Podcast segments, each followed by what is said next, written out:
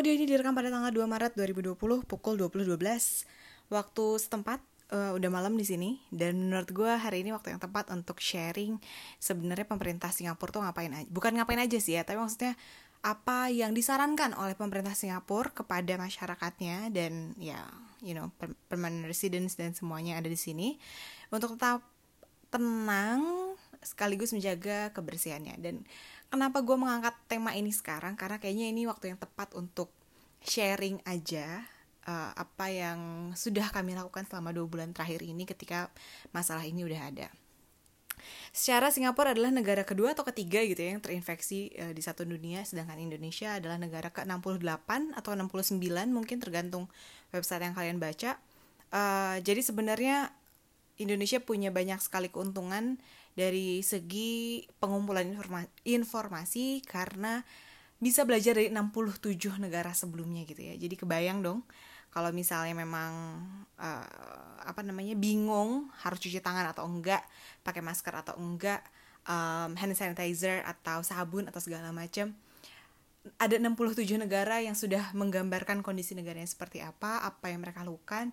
Jadi uh, banyak lah ya referensinya untuk untuk untuk um, menimbang hal-hal apa yang harus dan tidak harus dilakukan saat uh, coronavirus outbreak ini. Nah, sedikit cerita aja mungkin dari Singapura apa yang kami lakukan di sini selama dua bulan terakhir. Uh, ya, you know, kami udah hidup seperti ini selama dua bulan. Uh, kasarnya kalau sekarang kita lihat kemarin-kemarin US itu um, ada panic buying di UK panic buying di Indonesia hand sanitizer habis uh, masker habis.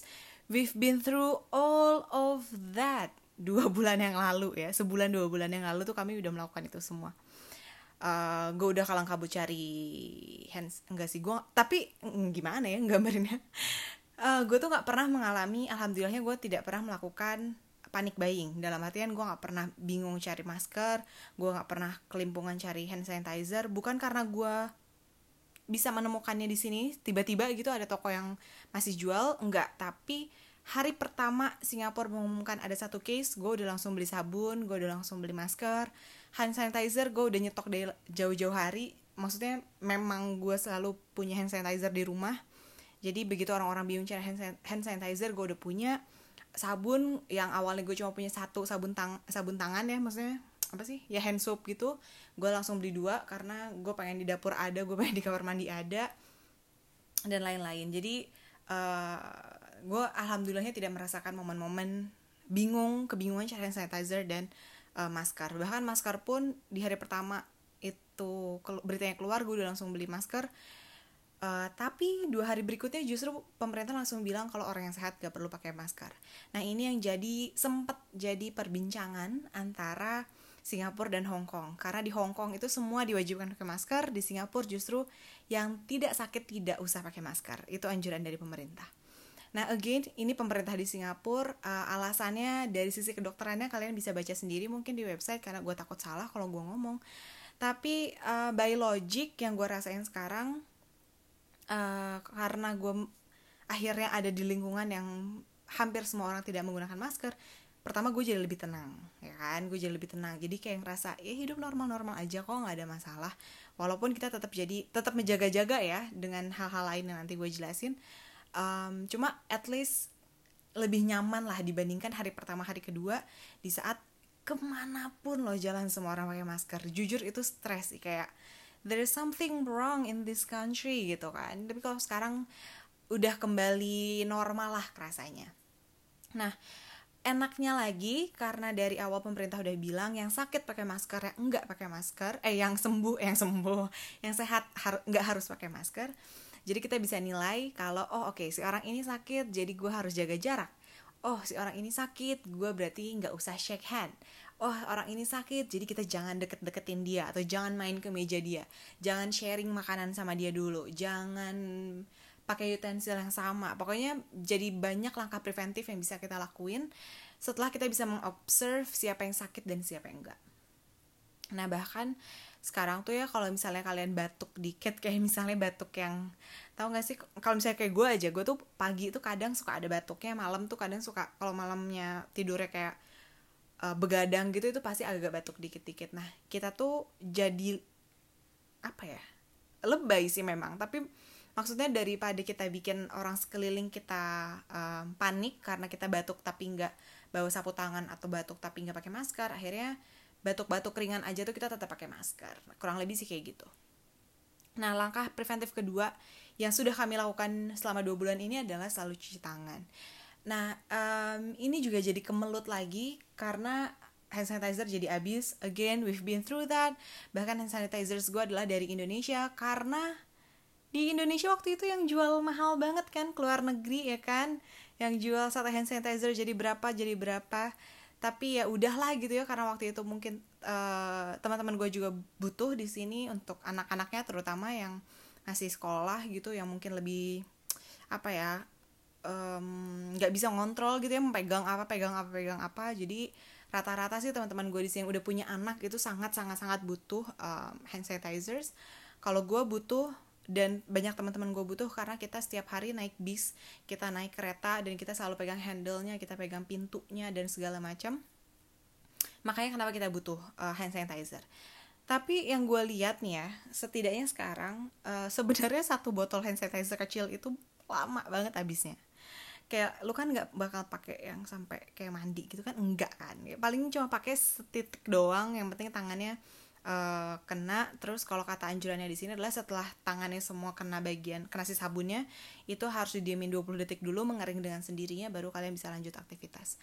Nah um, selain abisnya itu lama ke sini ke sini hand sanitizer itu semakin gampang ditemui di Singapura di area publik disiapkan oleh pemerintahnya jadi di lift di taman di MRT station di bus stop di gedung-gedung di mall itu pasti ada hand sanitizer uh, gratisan ya yang dipencet gitu yang kita bisa pakai kapan aja. Nah, walaupun sebenarnya dari sebelum ada virus-virus ini tuh di beberapa titik emang udah ada hand sanitizer sih. Cuma ini jadi lebih banyak aja dan akhirnya karena itu udah ada di um, area publik ya hand sanitizer pribadi jadi agak nggak kepake gitu. Pertanyaannya mungkin kapan sih lo pakai hand sanitizer? Kalau di Singapura tuh kapan gitu. Nah kalau kita di sini di kantor di rumah itu nggak pernah pakai hand sanitizer. Pasti cuci tangan pakai sabun. Pasti hand sanitizer itu kita pakai setiap uh, keluar dari public transport.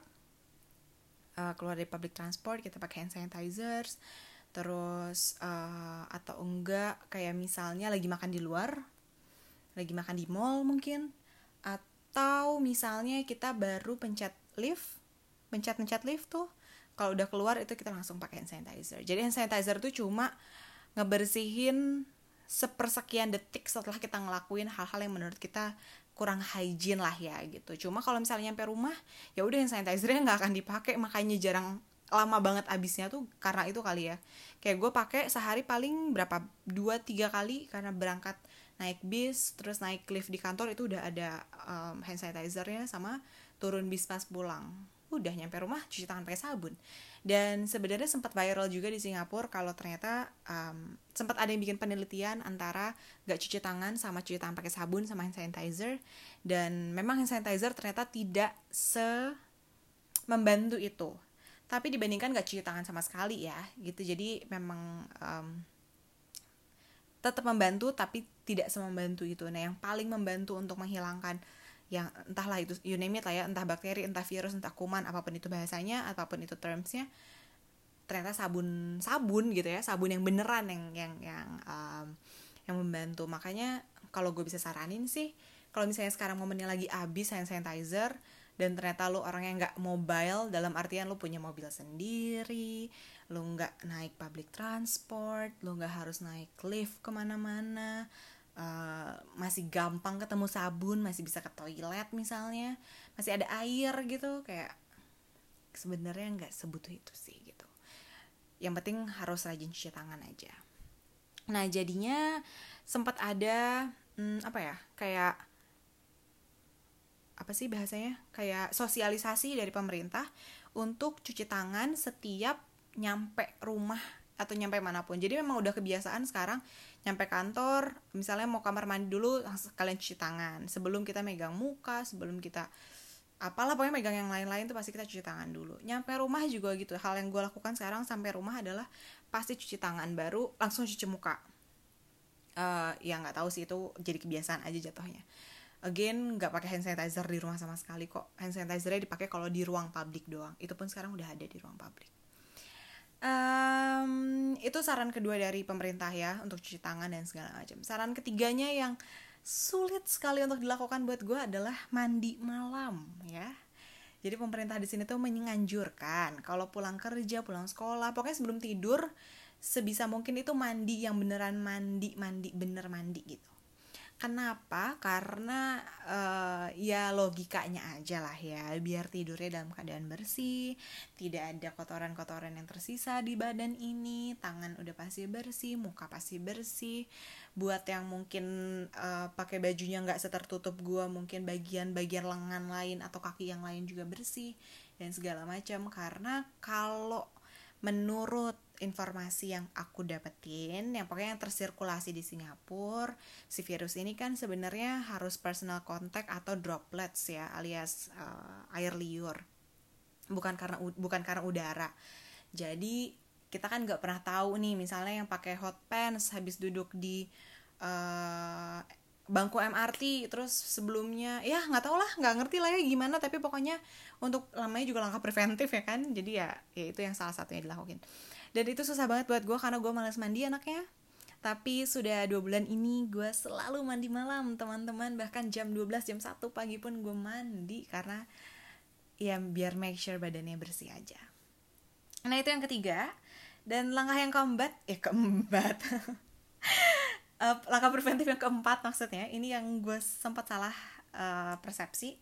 Gue sempat mikir di hari pertama gue mikir virus ini menularnya dari udara tapi ternyata tidak dan justru jadi dulu kalau misalnya lo udah dengerin podcast sebelumnya gue sempat malah hari pertama hari kedua tuh gue nutup semuanya pintu nggak boleh ada yang kebuka jendela apa segala macam tapi pemerintah akhirnya bikin campaign lagi untuk ngingetin kalau ternyata setiap pagi sama setiap sore bagusnya pintunya dibuka untuk ngasih sirkulasi udara.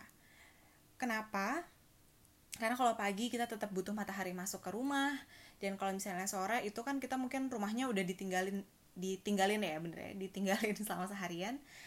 Uh, kita nggak pernah tahu nih sirkulasi di rumah kita sebenarnya bagus apa enggak bersih apa enggak dan segala macam. Justru dengan pintunya dibuka sirkulasi udaranya udara bersihnya masuk lagi ke rumah dan ya pokoknya sirkulasi udara lah ya intinya. Dan itu juga yang gue laku yang gue lakukan. Gue sempet skeptis mungkin ini gue doang yang lebay ini mungkin gue doang yang terlalu ngikutin pemerintah tapi ternyata setelah gue mengobservasi lingkungan gue jadi kita apartemennya kayak depan-depanan gitu sama apartemen lain. Dan gue bisa lihat sih setiap pagi gue pin buka pintu tetangga gue juga udah buka pintu sore-sore juga kita sama-sama buka-buka pintu. Jadi ya ya ternyata banyak lah orang yang nurut. Jadi itu langkah preventif kita yang keempat. Yang kelima, ini urusan sama suhu tubuh. Uh, jadi kalau misalnya kalian udah baca dan I'm pretty sure you have you've read a lot of things, kalau salah satu symptoms ya dari coronavirus ini adalah penyakit panas, ya demam tinggi. Selain batuk pilek, pilek, selain batuk pilek, itu adalah uh, demam tadi. Nah, uh, untuk me, untuk make sure orang-orang di sekitar kita nggak nggak ada yang demam apa pun itu alasannya sekarang ini semenjak Dorsconnya naik ke orange itu kita melakukan dua kali pengecekan suhu tubuh itu di setiap 9 pagi dan setiap jam 3 sore nah jangan sedih ya. Jadi si suhu tubuh ini tuh nggak cuma kayak oh iya 36,2 itu kita simpan enggak. Jadi pengecekan suhu suhu tubuh ini dilakukan di kantor. Pokoknya di instansi instansi instansi termasuk sekolah. Kalau misalnya yang sekolahnya setiap hari ya.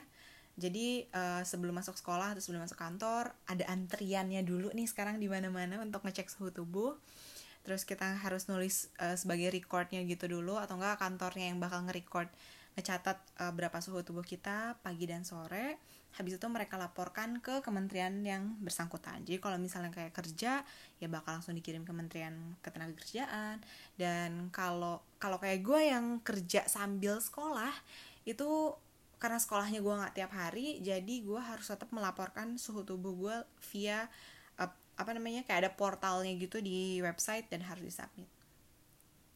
Sebenarnya ini tuh kebebasan ya untuk kalian mau ngikutin atau enggak apa segala macam tapi jujur gue jadi jiper karena ternyata di lingkungan gue semua mengikuti aturan itu benar-benar mengikuti aturan itu. Kayak misalnya HR sekali kirim email ya eh udah jam 3 sore waktunya pengecekan suhu tubuh ngantri. Itu kita ngantri. Ya pokoknya harus gitu karena kita mau make sure kalau kita baik-baik aja dan negara kurang lebih atau misalnya kantor kita tahu kalau kita juga sehat Nah, jadi kalau misalnya amit-amit ada yang tiba-tiba 38, itu pasti langsung disuruh pulang atau dibawa ke rumah sakit terdekat untuk langsung dilakukan pengecekan. Maupun mau apa pun itu alasannya. Begitu ya. Itu berarti udah yang langkah preventif kelima ya. Eh, nggak tahu deh ya. Itu pokoknya yang sekian. Nah, yang berikutnya adalah uh, ada anjuran untuk tidak makan uh, makanan yang belum matang seutuhnya terutama untuk makanan hewani. Jadi misalnya daging itu sebisa mungkin well done ayam telur termasuk susu itu um, pokoknya kita jaga banget kualitasnya um, apa namanya dalam artian semuanya harus uh, dimasak dengan sangat baik. Kurang lebih sih itu yang kita lakukan selama di sini ya. Uh, dari A sampai Z-nya gitu kalau di sini kita bisa dapat informasi ini kayak reminder untuk melakukan ini tuh setiap hari di koran. Jadi di koran tuh kayak ada ada brosur terpisah gitu deh bisa dibilang ada apa ya ada halaman terpisah khusus untuk um, ngerimain kita untuk ngelakuin hal-hal ini. Ja, kayak jangan lupa ng ngelakuin hal-hal ini. Misalnya kalau sakit langsung ke rumah sakit jangan masuk kantor um, kalau misalnya suhu panas atau kalau misalnya baru pulang dari mana uh, harus melakukan self quarantine dan segala macam itu itu itu ada di sana. Again, apa pun yang kita lakukan di sini belum tentu works di Indonesia, belum tentu pantas untuk dilakukan di Indonesia, dan belum tentu pemerintahnya setuju. Jadi kalau misalnya bisa gue sarankan adalah uh, gue tahu sebetapa skeptisnya orang sama pemerintah. Singapura yang menurut gue sebagai foreigner aja bagus, aja bagus gitu ya, yang uh, yang kayaknya udah sempurna deh gitu. Tapi ternyata rumput tetangga tuh selalu terlihat lebih hijau aja. Warga lokalnya tuh tetap tetap tetap skeptis sama pemerintahnya. Apa pun yang pemerintahnya lakukan tuh mereka tetap skeptis. Ya emang nggak emang dasarnya nggak bersyukur aja kali ya. Pokoknya tetap skeptis. Nah tapi kita sampai ada di satu titik sekarang nih ya kalau misalnya kalian ngobrol mungkin sama teman-teman kalian orang Singapura setidaknya orang-orang yang gue kenal mereka udah ada di stage kayak ya udah deh gue percaya aja gitu. Pertama gue percaya sama pemerintah karena mereka yang melakukan research karena mereka yang melakukan uh, apa ya diskusi dengan negara-negara lain yang udah terinfeksi maupun tidak uh, mereka mungkin yang lebih tahu kondisi aslinya seperti apa jadi ya udah yang bisa kita lakukan itu ngikutin aja. Temen gue pernah bilang ke gue gini kalau misalnya nih kita skeptis sama pemerintah deh gitu. Kayak kayaknya pemerintah nggak lakuin apa-apa. Terus kita baca misalnya oke okay, kita baca iya kita tahu negara A ngelakuin ini negara B ngelakuin ini negara C ngelakuin ini. Kita ngikutin aja tuh belum tentu cocok sama uh, kondisi negara tersebut gitu. Jadi menurut gue sih nggak ada salahnya buat ngikutin apa yang pemerintah bilang. Pun kalau misalnya pemerintah belum melakukan apa uh, sesuatu again gue rasa kalian udah punya cukup banyak resources yang bisa kalian baca uh, dalam hal gimana sih negara-negara tetangga uh, ngikutinnya. Misalnya Indonesia eh gimana sih kalimat gue tadi?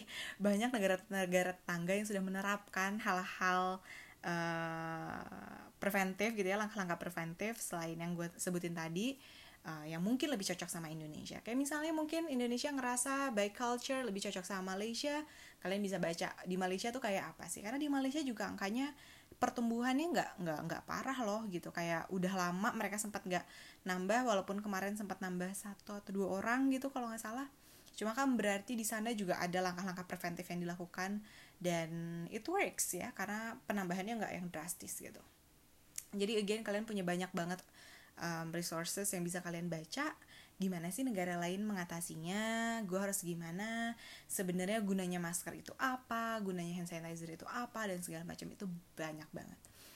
Dan kalau misalnya kalian mau dengerin podcast gue sebelumnya gue sempat cerita sepanik apa gue di hari pertama hari kedua. Gue cuma bisa bilang jangan lakukan apa yang udah gue lakukan karena gue aja jadi ngerasa kayak ya Allah ngapain sih? gitu. Cuma jatuhnya sekarang ngelihat teman-teman yang lagi panik gue jadi paham kayak oh iya dulu juga gue gitu kok. Um, dan cara gue menenangkan diri gue sendiri yang hidup di sini sendiri adalah baca. Baca dan percaya. Ketika orang-orang di luar sana menertawakan kalimat uh, Bapak Terawan yang bilang Indonesia uh, harus banyak berdoa atau misalnya Indonesia ada Tuhan yang melindungi justru gue jadi relate back kayak ya, kayaknya kayaknya memang iya deh ngerti gak sih uh, sebagai negara dengan sila pertamanya adalah ketuhanan kayaknya memang memang itu yang harus kita imani kayaknya memang itu yang harusnya kita percayai selain langkah-langkah preventif yang udah kalian lakukan um, banyak negara lain yang udah melakukan langkah-langkah preventif yang canggih gitu tapi sebagai umat beragama kayaknya juga lo harus percaya dan gue yakin lo juga percaya kalau tanpa kekuatan doa um, ya yeah. ya yeah, you know semuanya bisa semakin buruk atau semakin baik itu kan gimana Tuhan juga gitu. Jadi menurut gue sih tidak ada yang harus diketawai dari diketawai ditertawakan maksudnya ya. Ditertawakan dari kalimat yang bilang harus banyak berdoa harus banyak mendekatkan diri sama Tuhan mendekatkan diri sama Allah. Ya memang memang harusnya seperti itu bukannya ya jadi agak religius. Tapi maksudnya ya ya gitu deh lu paham lah ya gitu. Kayak nggak bisa juga lu cuci tangan pagi siang sore malam tapi nggak berdoa juga yang nggak bakal nggak bakal manjur gitu kan. Menurut gue again ini menurut gue. Dan yang terakhir um, yang bisa gue bilang adalah remain calm. Walaupun again gue juga tahu rasanya di hari pertama hari kedua itu memang sucks. Kayak besok bakal mati gitu tapi trust me banyak orang di luaran sana termasuk gue dan banyak negara di luaran sana termasuk Singapura yang masih bisa bertahan uh, dengan langkah preventif yang pemerintah sarankan dan menurut gue it works very well. Jadi um, tenang aja nggak usah panik panik buying ya. Panik buying tuh yang tiba-tiba beli toilet paper tiba-tiba beli daging tiba-tiba beli apa nyetok makanan. Walaupun logikanya sih dapat gue juga paham logikanya adalah lo takut besok ada apa besok ada apa dan tiba-tiba lo nggak bisa beli makanan lagi amit-amitnya coy gitu ya tapi um, pemerintah di sini sempat ngingetin kalau lo panik buying lo stok nih ya lo punya banyak makanan di rumah lo itu cuma membantu keluarga lo tanpa lo memikirkan keluarga-keluarga lain yang mungkin saat itu tidak punya duit dan akhirnya nggak bisa beli barang-barang itu saat panik buying. Artinya panik buying itu ternyata cuma bisa bikin chaotic doang tanpa solving the problem. Nah makanya sekarang nih pemerintah dan banyak organisasi NGO di Singapura yang akhirnya mikir kayaknya panik buying kemarin kita beli hand sanitizer dari Indonesia, kita beli masker dari Indonesia rasanya ada buang-buangnya juga gitu karena apalagi uh, dengan kondisi di Singapura yang bisa dibilang cukup stabil akhirnya banyak kok NGO yang sekarang ngumpulin masker-masker yang belum pernah terpakai dan akhirnya dikirim ke negara-negara yang lebih membutuhkan. So um, ya udah gitu sih ya intinya. Semoga membantu uh, again jangan panik. Kayaknya itu kunci utamanya jangan panik. Karena once lo panik lo nggak percaya sama pemerintah bahkan mungkin lo bisa nggak percaya Tuhan lo jadi stres sakit dan di situlah ya. Si virus-virus atau penyakit apa pun itu nggak usah lah coronavirus penyakit apa pun itu bisa datang hinggap dan akhirnya menggerogoti kesehatan kalian. Gitu deh kalau misalnya kalian ada saran lagi cara langkah-langkah preventif untuk coronavirusnya kayak gimana please send me a message di Instagram di Twitter. Eh nggak usah di Twitter di Twitter kalian gak ada yang tahu. Di Instagram aja kalau mau silahkan. Pokoknya um, give any comments if you think this audio is useful just please do share it. Karena mungkin banyak yang butuh nggak tahu juga sih. Thank you for listening. Bye bye